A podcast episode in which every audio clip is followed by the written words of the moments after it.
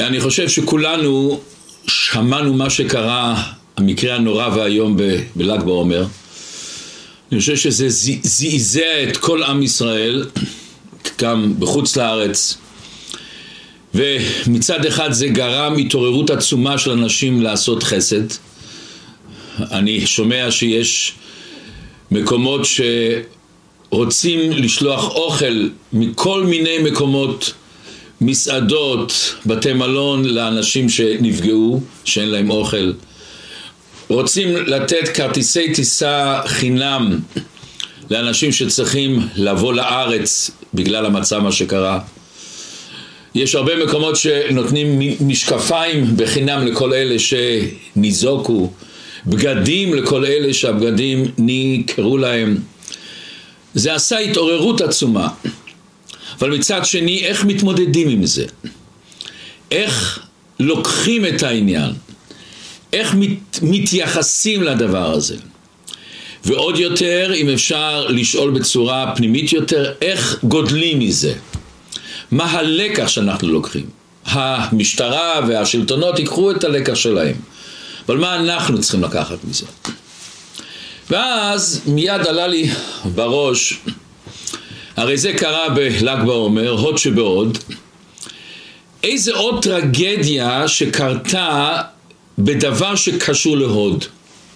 אז אנחנו מכירים את הסיפור שהתורה אומרת לנו, אחרי שבני ישראל עשו את החטא העגל, החטא הנורא, והיה חס ושלום מצב שהקדוש ברוך הוא אמר למשה שחלילה רוצה לעשות דבר של היפך החיים לעם ישראל ואז השם סלח לעם ישראל והם בנו את המשכן עשו את המשכן ובסוף שבנו את המשכן עשו חנוכת המשכן. חנוכת המשכן זה היה תהליך שלם שהמשיך שמונה ימים הקריבו את הקורבנות וכולי וכולי וכולי ואז אומרת התורה, סוף השיא היה שמשה ואהרון נכנסו, התפללו, וכשיצאו החוצה בירכו את העם, ואמרו את התפילה כמו שרש"י אומר, יהי רצון שתשרה שכינה במעשה ידיכם. שבמשכן הזה, מה שעם ישראל עשה, שיהיה ברכה. ואז קרה דבר נורא ואיום, ותצא אש, אומרת התורה, מלפני השם, ותאכל את המזבח ואת העולה ואת החלבים, וירא כל העם וירונו ויפלו על פניהם. היה שמחה מצד אחד, מצד שני מרוב הגילוי האלוקי הזה שיורדת אש מן השמיים, נפלו על פניהם. שיא של שמחה, שיא של קשר עם הקדוש ברוך הוא. ובאותו זמן בדיוק השם ישמור, באותו זמן בדיוק, אז אומרת התורה את הסיפור הנורא ששני בני אהרון באו והקריבו אש זרה ושאש ירדה מן השמיים והם נפטרו. עלו בסערה השמיימה. ואומרת התורה שהשם אומר למשה ומשה אומר לאהרון הוא אשר דיבר השם לאמור בקרובי אקדש וידום אהרון אהרון שתק אומר רש"י וידום אהרון קיבל שכר על שתיקתה על שתיקתו ומה השכר קיבל, אומר המדרש, שנתייחד עמו הדיבור. הקדוש ברוך הוא התייחד איתו. אומר המהר"ל, מה רש"י רוצה להגיד פה? זה שהתורה אומרת וידום אהרון, זה לא סתם שתיקה, מכיוון שברגע שאתה לא מדבר, ממילא אתה שותק. אז אם התורה לא הייתה אומרת וידום אהרון, רק לא הייתה כותבת מה שהוא אמר, אז ממילא הוא שתק. וידום אהרון זה שתיקה לגמרי אחרת משתיקה סתם. ועל זה כתוב בספרים וידום אהרון בא ממידת ההוד. כתוב שאהרון היה לו את מידת ההוד בהתגלות וידום אהרון נבע מההוד שלו. ואז כמובן עולה לנו בראש ל"ג בעומר ל"ג בעומר אנחנו יודעים שזה היום ההילולה של רבי שמעון בר יוחאי וזה יוצא בהוד שבהוד שם הייתה פטירה נוראה של שני בני אהרון ועוד בת... במצב כזה, בתאריך כזה של חנוכת המשכן כאן היה לנו כזה פטירה של כל כך הרבה אנשים וגם קשור להוד שבהוד מה אנחנו יכולים ללמוד מזה?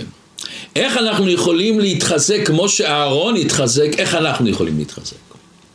אז בכדי להבין את הסוד של מידת ההוד, אנחנו צריכים לפני זה להקדים את מידת הנצח. אנחנו יודעים שנצח והוד הם שני, בשני קצוות, אחד בצד ימין זה נצח, אחד בצד שמאל זה הוד, אבל באיזשהו מקום הם זיווג, זה מול זה. הם לא אותו דבר, הם אפילו הפכים, אבל הם זיווגים ביניהם. בכדי להבין את ההוד, בואו לפני זה נבין קצת מה זה נצח. אז כשאנחנו רק שומעים את המידת נצח, מה זה אומר לנו? זה אומר לנו מידת ניצחון.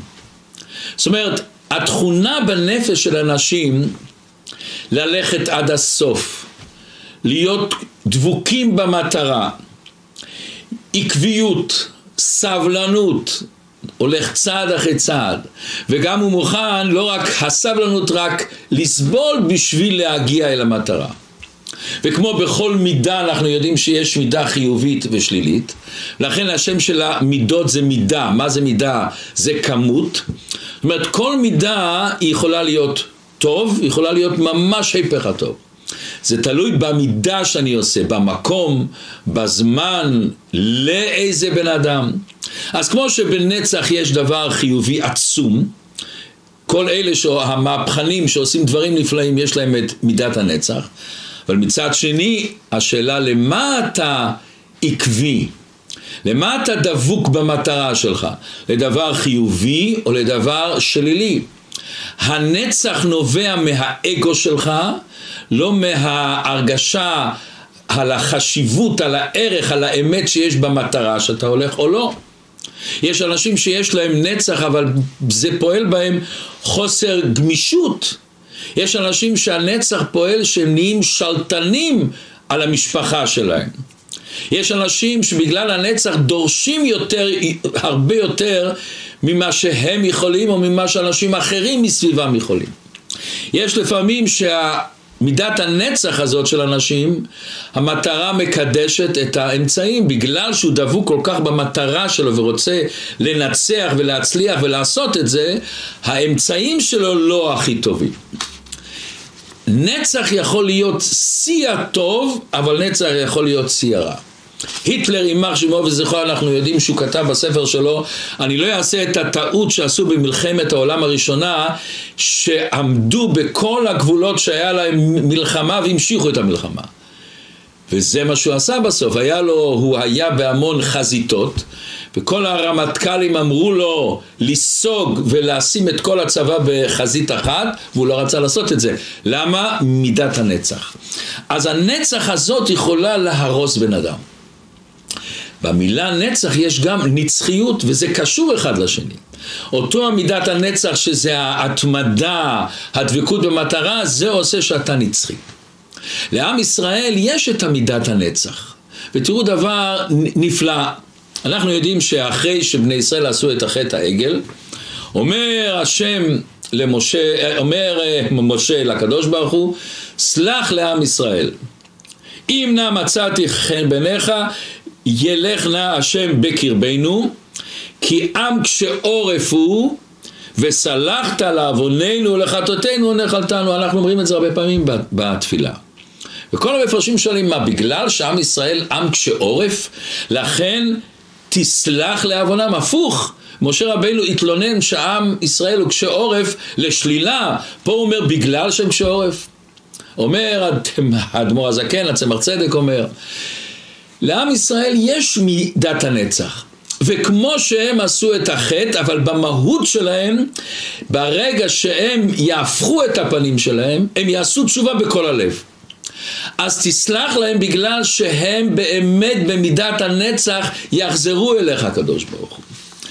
עוד יותר עמוק, בגלל מידת הנצח שלהם, הם לא רק יחזרו אם מלכתחילה לא חטאו, גם שהאדם שיש לו את הנצח נופל, אבל הוא נשאר קשור למטרה של עם ישראל, בסוף יחזרו אליך הקדוש ברוך הוא. ואנחנו, יש סיפור, כולם מכירים אולי, אבל סיפור שמספר אחד בשם שלמה אבן ויארגה, היה אחד בזמן גירוש ספרד, הוא עשה ספר שבט יהודה. ואתם יודעים, מזמן גירוש ספרד, כל אלה שלא רצו להתבולל, להתנצר, שלחו אותם. והיה משפחה שהכניסו אותם באונייה ונסעו והיה שם מגפת הדבר והרב החובל הוריד אותם באי, השאיר אותם ככה, בלי אוכל, בלי כלום והרבה אנשים, השם ישמור, נפטרו מזה והוא בא עם אשתו, עם שתי הבניו לשמה אשתו נפטרה, הוא החזיק בידיים את שתי הבנים, התעלף וכשהוא התעורר הוא ראה ששתי הילדים שלו, השם ישמור, עלו למעלה ואז הוא אומר לקדוש ברוך הוא, ריבונו של עולם, תדע לך שאתה עושה הרבה דברים שאני אעזוב את אמונתי, שאני אעזוב את היהדות שלך. אבל תדע לך, כמו שהוא אומר, שעל כוחכם של כל יושבי שמיים, יהודי אני ויהודי אהיה, ולא יועיל כל מה שהבאת עליי ומה שתביא עליי. הוא נשאר מאמין.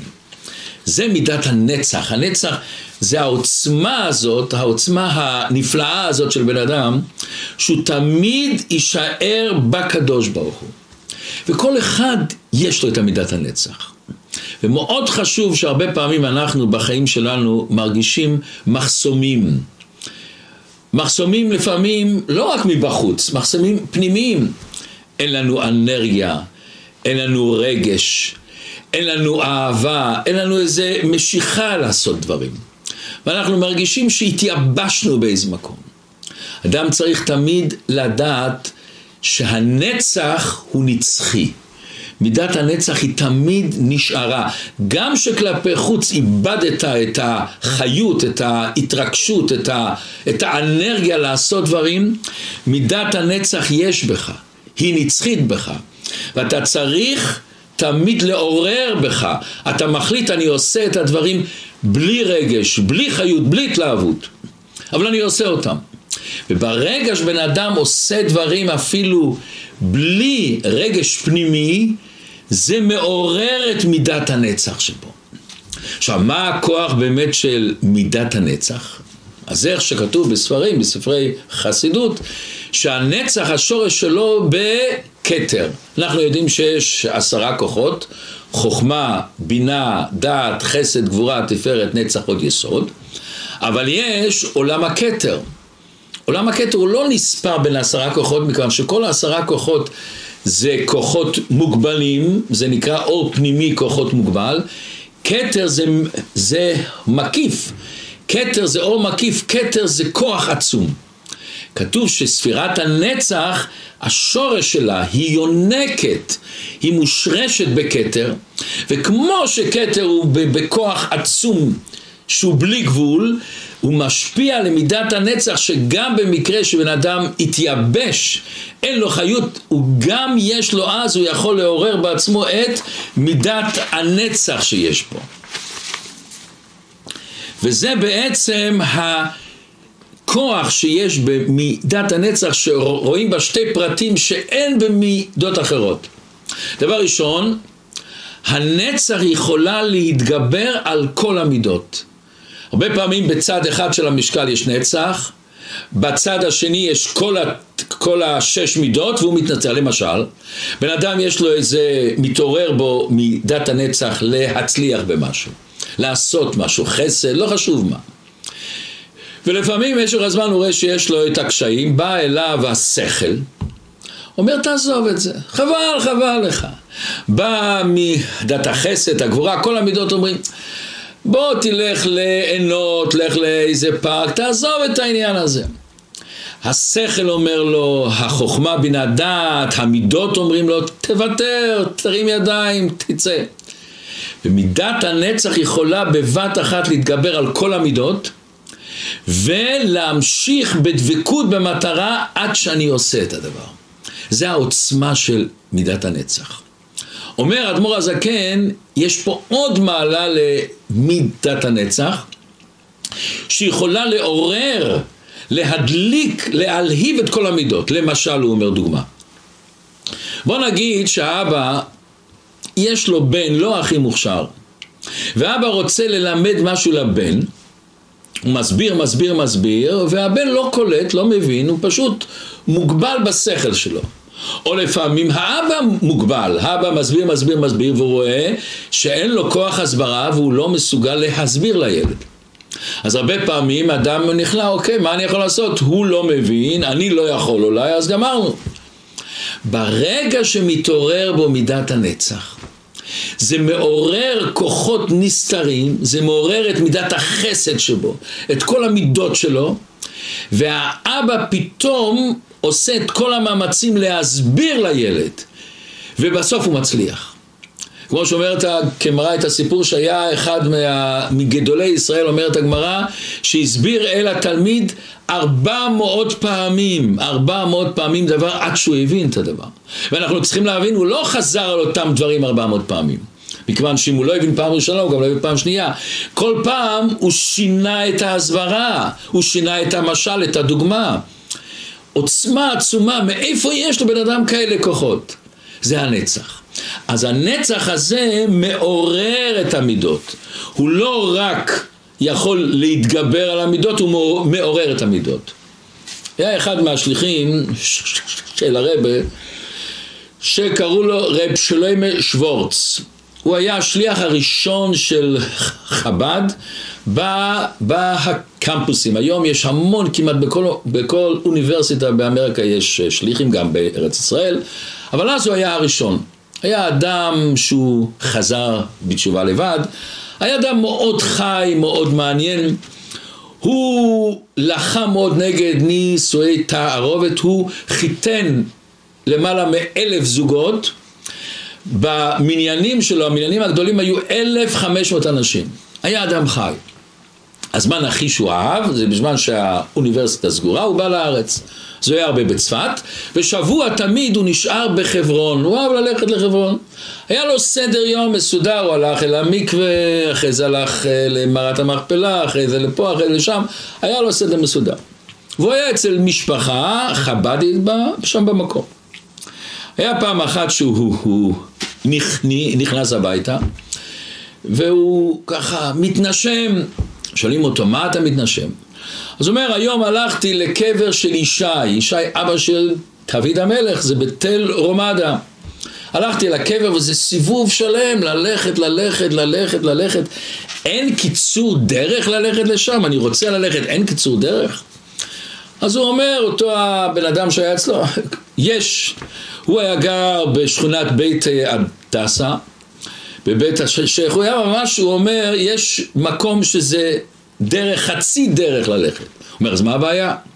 הוא אומר, בהתחלה הלכו לשם, ואז באו הערבים, ובמדרגות הזה, בשביל הזה שהולך אל, אל הקבר של ישי, עשו חומה, עשו קיר, ואנשים הולכים, הולכים, הולכים, הולכים, ומגיעים, פתאום יש קיר, אי אפשר לעלות. ואין לך מושג כמה לחצים, הלכנו לבתי משפט, הלכנו לשרים, הלכנו לחברי כנסת, לא הסכימו בשום פנים, הבית משפט אמר שהם עשו את זה בהיתר, זה שטח שלהם אסור. עוד יותר מזה, שם, הם, שמה נמצאים חיילים לשמור שלא ישברו את המקום הזה. והוא שומע את זה, אומר, זה לא יכול להיות, זה לא הגיוני, הוא אומר לו. אותו רב שלמה שוורץ, איך זה יכול להיות? אני הולך לבדוק לבד. אני אומר, אל תבדוק, עד שאמרתי לו הוא כבר בחוץ. אוקיי. הלך החוצה, בא אחרי כמה זמן, מתנשם, אומר, כן, את צודקת, עליתי למעלה, ואני רואה את החומה, ואני רואה שם שביל. אי אפשר לעשות משהו? הוא אומר, מלא. אנחנו כבר שנים מנסים וזה לא הולך.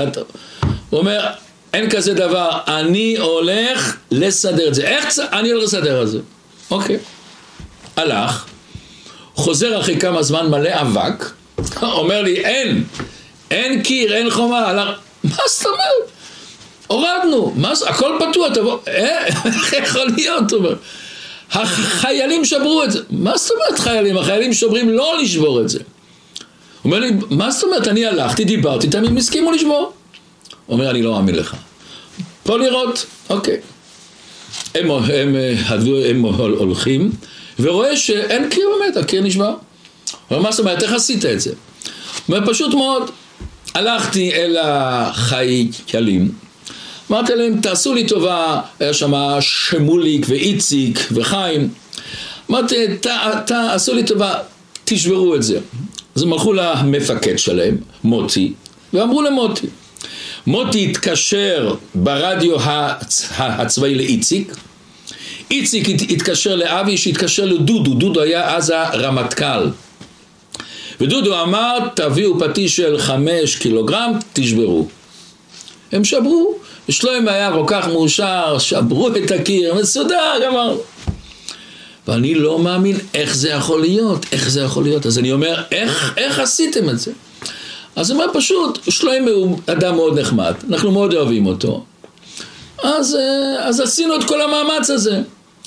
אז הוא אומר, רגע, ואני לא נחמד, אני לא מכיר אתכם, אנחנו לא מכירים אתכם, משפחה שלנו זה איש ואישה, אנחנו לא מכירים אתכם. אז הוא אומר, אתה נחמד, אבל הוא יותר נחמד. מה? הוא אומר, הוא נמצא פה רק שבוע, וכל יום בצהריים הוא בא, מביא לנו ארוחת צהריים. פלאפל, פיצה, גלידה, על... כל יום. הוא הראה לנו את האהבה. הראה לנו את האהבה, אנחנו עושים את האהבה שלו. אז הוא אומר, בזה נכון שלמה משהו? כן, הוא אומר. ושלמה בענווה שלו, הוא אומר, תראה מה שאפשר בחמישים דולר לעשות בחברון. אז היה נקרא המדרגות האלה מדרגות הייאוש. למה? אנשים עלו, עלו, עלו והיה את החומה. אחרי שהוא עשה מה שהוא עשה, זה נקרא מדרגות התקווה. זה מידת הנצח. אתה לא מוותר, אתה לא אומר, כולם אמרו לך שמנסים, מנסים, ואתה הלאה ממשיך, אתה הלאה עושה את זה. זה הנצח. עכשיו בואו נראה את ההוד. שההוד זה בדיוק מול הנצח. ההוד, כמו שאמרנו, זה הזיווג, אבל הוא בדיוק ההפך, ההפוך. מה שאנחנו אומרים בזיווג, אה עשה לו עשר כנגדו. נצח אמרנו זה מידת ההתפשטות, שיש לי מכשול, אני מנסה לשבור אותו, שיש לי ויכוח, אני מנסה לשכנע את הדבר. אני מנסה להילחם עם המכשול. הוד זה בדיוק הפוך, הוד זה מלשון להודות, להתבטל, ענווה. שיש לי לפעמים בחיים איזה מכשול, יש לי לפעמים איזה דבר נגדי, יש לי לפעמים איזה ויכוח עם מישהו אחר, באיזה שלב אני עובד על עצמי ואני אומר, זה לא מזיז לי, אני לא מתרגש מזה, שיהיה ככה כמו שהוא אומר. שהוא יחשוב שהוא צודק, אני ממשיך הלאה את החיים שלי. אני מתרומם מעל הבעיה. אני לא הולך להילחם עם הבעיה, אני מתרומם למצב שהבעיה לא פוגעת בי. המצב לא פוגע בי. אני משלים עם מצב זה או זה ואני ממשיך הלאה לחיות. כמובן שבן אדם צריך מאוד מאוד שיקול דעת, מאוד שיקול דעת. איפה אני משתמש עם מידת הנצח, ואיפה אני משתמש עם מידת ההוד. שלפעמים הנצח זה מציא, מתחיל מצד האגו, או מצד כל מיני רצונות שליליים, אני צריך שם להשתמש עם ההוד, עם הבחינה של ההוד. שאני לא לוחם איתך, והבעיה פתאום נהיית נמיסה. מתפוררת. אני מכיר הרבה אנשים שהיה להם איזה קרבות, סכסוכים עם אנשים, יש סיפורים בלי סוף לזה. אנשים הסתכסכו אחד עם השני, כל מיני דברים. ופתאום הוא החליט, בואו נגמור את הסיפור. בואו נגמור את הסיפור, נלך אליו הביתה, נשלים אחד עם השני, וגמרנו עם הסיפור. ואני ממשיך הלאה את החיים שלי. זה העוצמה של הוד, שאתה חי מעל הדברים. אתה לא לוחם עם הדברים. זה השלילי של הנקודה. עכשיו, מה זה בעצם הוד? הוד זה בעצם, כמו, כמו שמישהו אמר פעם את ההגדרה, אתה נמצא ב-770. 770 זה בקראון הייטס. אתה רוצה להגיע למנהטן. אתם יודעים מה שם, הכבישים עמוסים עמוסים, יש פקקים בלי סוף. אתה יכול להגיע בשני דרכים. דרך אחת להגיע במכונית, אתה צריך להילחם בכביש, כמו שהרבה אנשים מרגישים בכביש זה מלחמה. יש עוד דרך, אתה לוקח את הרכבת התחתית, אתה לוקח הליקופטר, אתה מעל הדברים. זה ההבדל בין נצח להוד.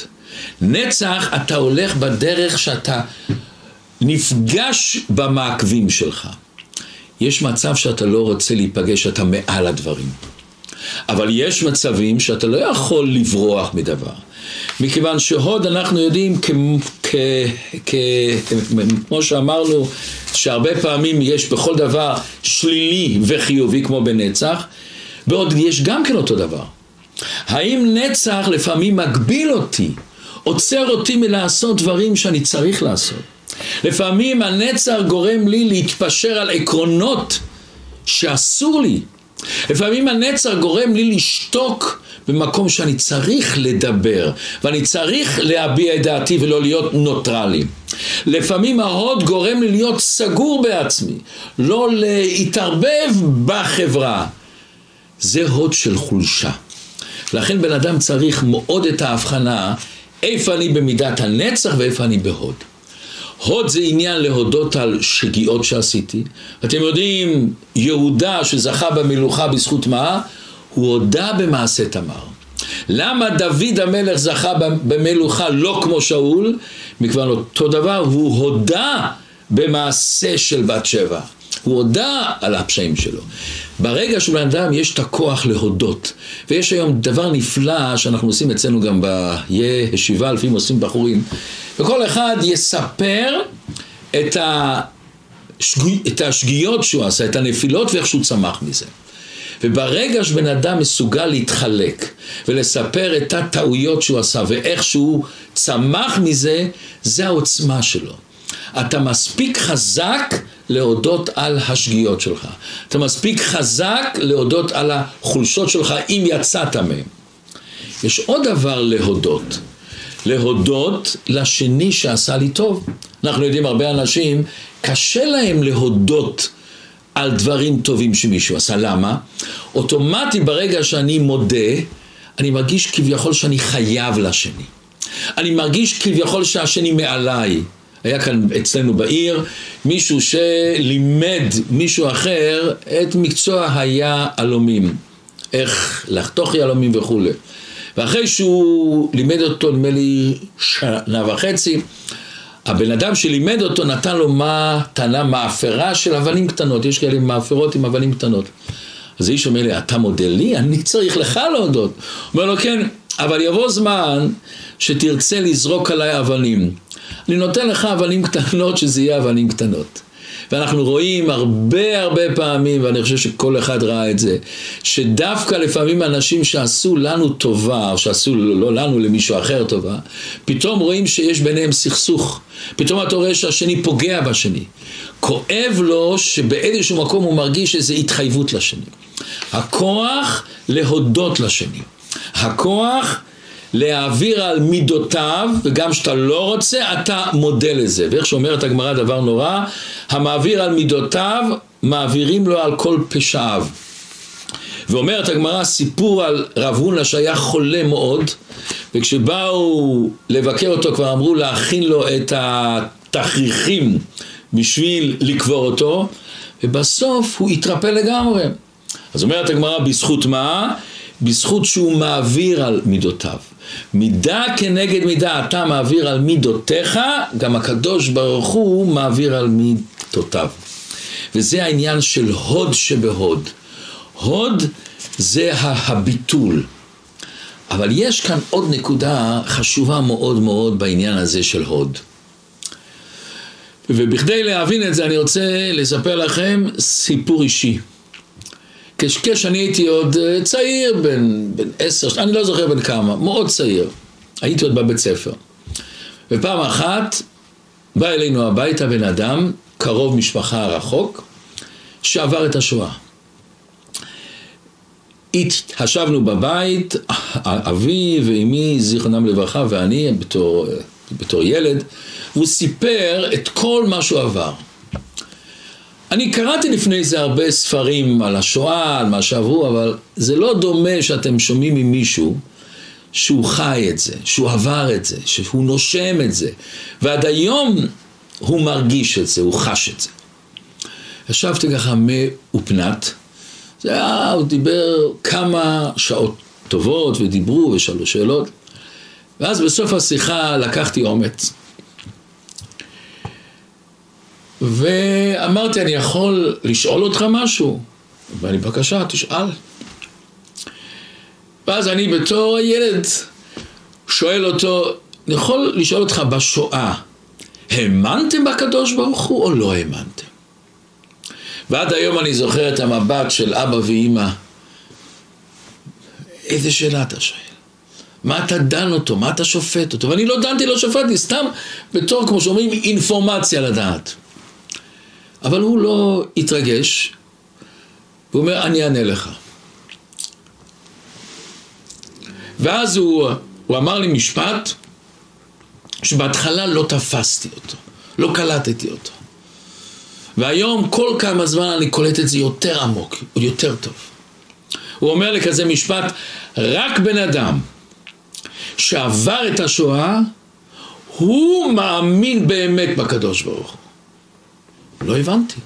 אני מכיר הרבה אנשים שהשם ישמור עברו את השואה, והפוך, ירדו מהדרך. מה זאת אומרת רק בן אדם שעבר את השואה? הוא לא הסביר לי הרבה. עבר זמן הבנתי.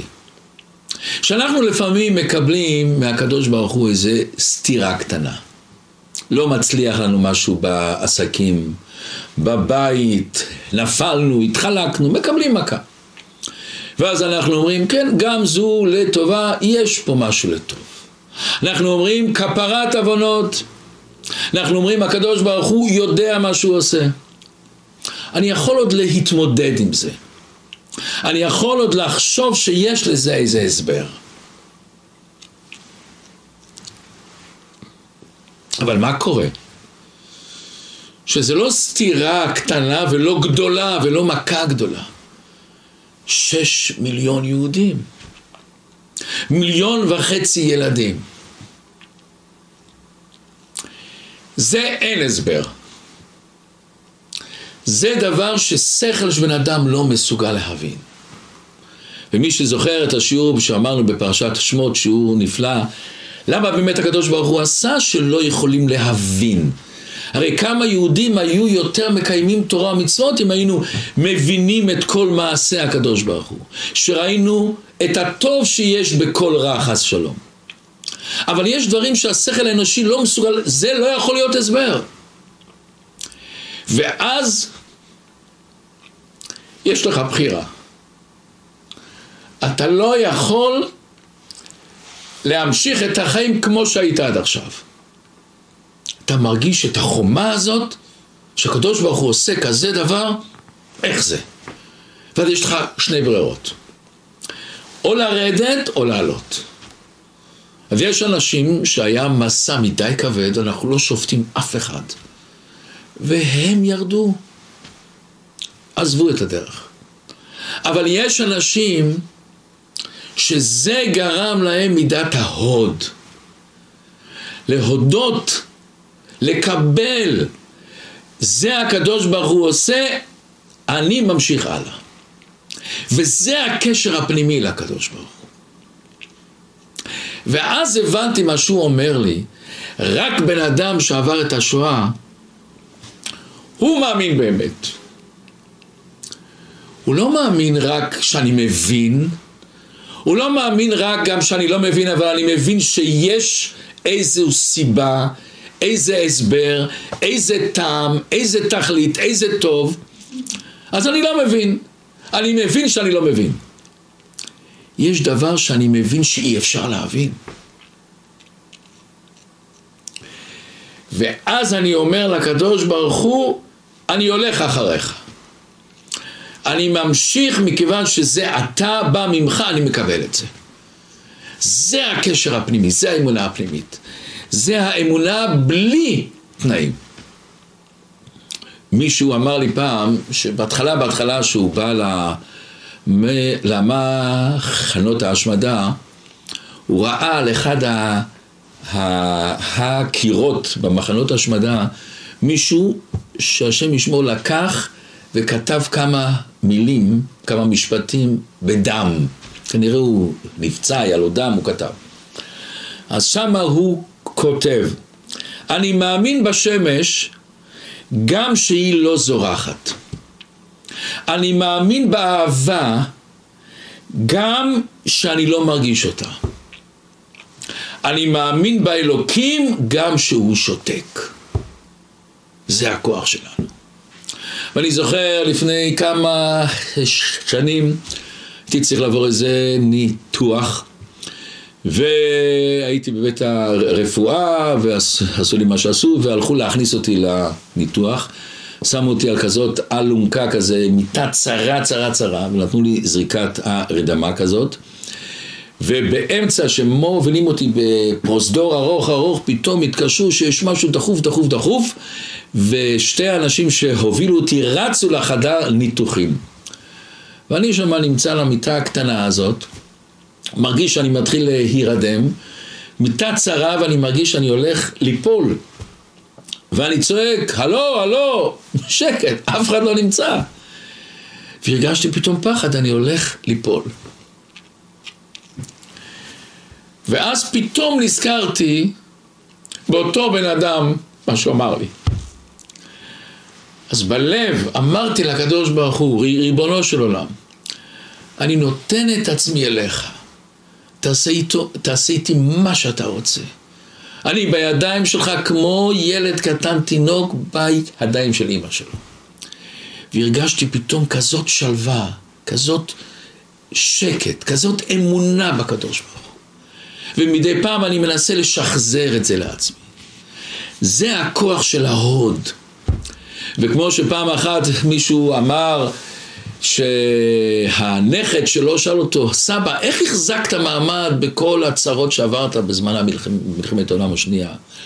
אז הוא אומר, אני אגיד לך מה, כשהייתי ילד, הייתי פעם בטיש של הבלזר רבה בסדר. ואני רואה שהבלזר, הפלזר רבה הקודם היה צעיר, ילד, וכשבאו לשאול את המה נשתן לו, הוא לא שואל. ואז אבא שלו אומר לו, למה אתה לא שואל? הוא אומר, אני לא רוצה לשאול. אז אבא מזיז את השולחן, מזיז את הכיסא, מזיז כל מיני... רוצה שהוא ישאל שאלות והוא לא שואל. אומר לו, אתה רואה כאן שאני מתנהג דברים לא... למה אתה לא שואל? הוא אומר, על אבא לא שואלים שאלות. הוא אומר, וזה החזיק אותי במלחמה. על אבא לא שואלים שאלות. עכשיו נוכל להבין למה בבוקר אנחנו אומרים מודה אני לפניך? אתם יודעים, פעם היה איזה בחור ששאל את האימא של הרבה מלובביץ', הוא שאל אותה, איזה תפילה, היה ילד צעיר שהיה לו את האומץ לשאול, איזה תפילה הבן שלה, הוא שאל את האימא של הרבה, הכי אוהב.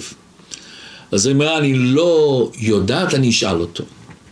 שהוא בא אחרי זה להביא את ה... נדמה לי הוא הביא מצרכים מה, מהחנות הביתה, אז, אז היא אומרת לו, הוא אמר לי, מודה אני לפניך. אנחנו לא נבין למה, אבל בואו נראה בהשקפה פשוטה. דבר ראשון זה התפילה הראשונה. ודבר שני, במודה אני זה יש עניין של הוד. אני נותן את עצמי לקדוש ברוך הוא. אני מאמין בו. ואני יודע שיש דברים שאני לא אבין ואני לא יכול להבין. זה לא אומר שאני לא צריך לעשות, ברור שאני צריך הרבה פעמים להשתמש עם חסד, עם גבורה, עם נצח, אבל יש לפעמים את העניין של הוד, להודות לקדוש ברוך עכשיו נוכל אולי להבין מה זה וידום אהרון. אמרנו, שואל המהר"ל, מה זה וידום? שתיקה בדרך כלל באה מחולשה. אין לי מה לומר, אין לי מה לדבר. כרפיון, כשיתוק, לפעמים אנחנו במצב כזה, אנחנו מרוב השיתוק לא יכול לדבר. אומרת התורה, והידום של אהרון זה עוצמה.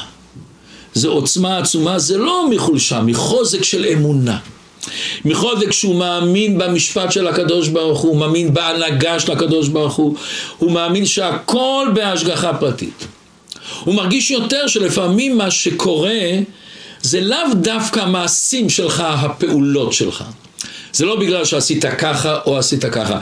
לפעמים זה יד ההשגחה. זה הרצון האלוקי. זה השליחות שלך. וברגע שאהרון אמר את ה"וידום", כמה נצח היה בזה. זה השילוב הזה של נצ... נצח, נצחיות. הקשר לקדוש ברוך הוא הוא נצחי. הקשר לקדוש ברוך הוא לא תלוי במצב הזה או במצב אחר. קשר עמוק וקשר פנימי.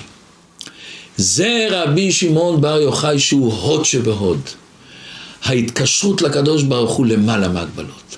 וברגע שבן אדם זוכה לזה, איזה שלוות נפש יש לו, איזה חיים אחרים יש לו. הוא עושה, הוא פועל מתוך שלוות נפש. לפעמים אנחנו, כשאנחנו צריכים להשתמש במידת הנצח או במידות אחרות, זה עצבנות, זה מתח. ברגע שבן אדם בתוך תוכו, בשורש שלו יש את המודה אני לפניך. את ההרגשה שהקדוש ברוך הוא איתך. אתה עושה מה שצריך לעשות. אתה עושה את זה מתוך שלוות נפש. שהשם ייתן שהשיעור הזה יהיה לזכות כל החולים בעם ישראל. ובפרט לאלה שנפצעו ברבי שמעון בר יוחאי, ושייתן נחמה לכל המשפחות האבלות, שהשם ישמור כל כך הרבה בבת אחת, כזה מאורע טרגי, שהשם ישלח לכולם נחמה פנימית, ושנזכה בקרוב ממש בתחיית המתים פה למטה מעשרה טפחים.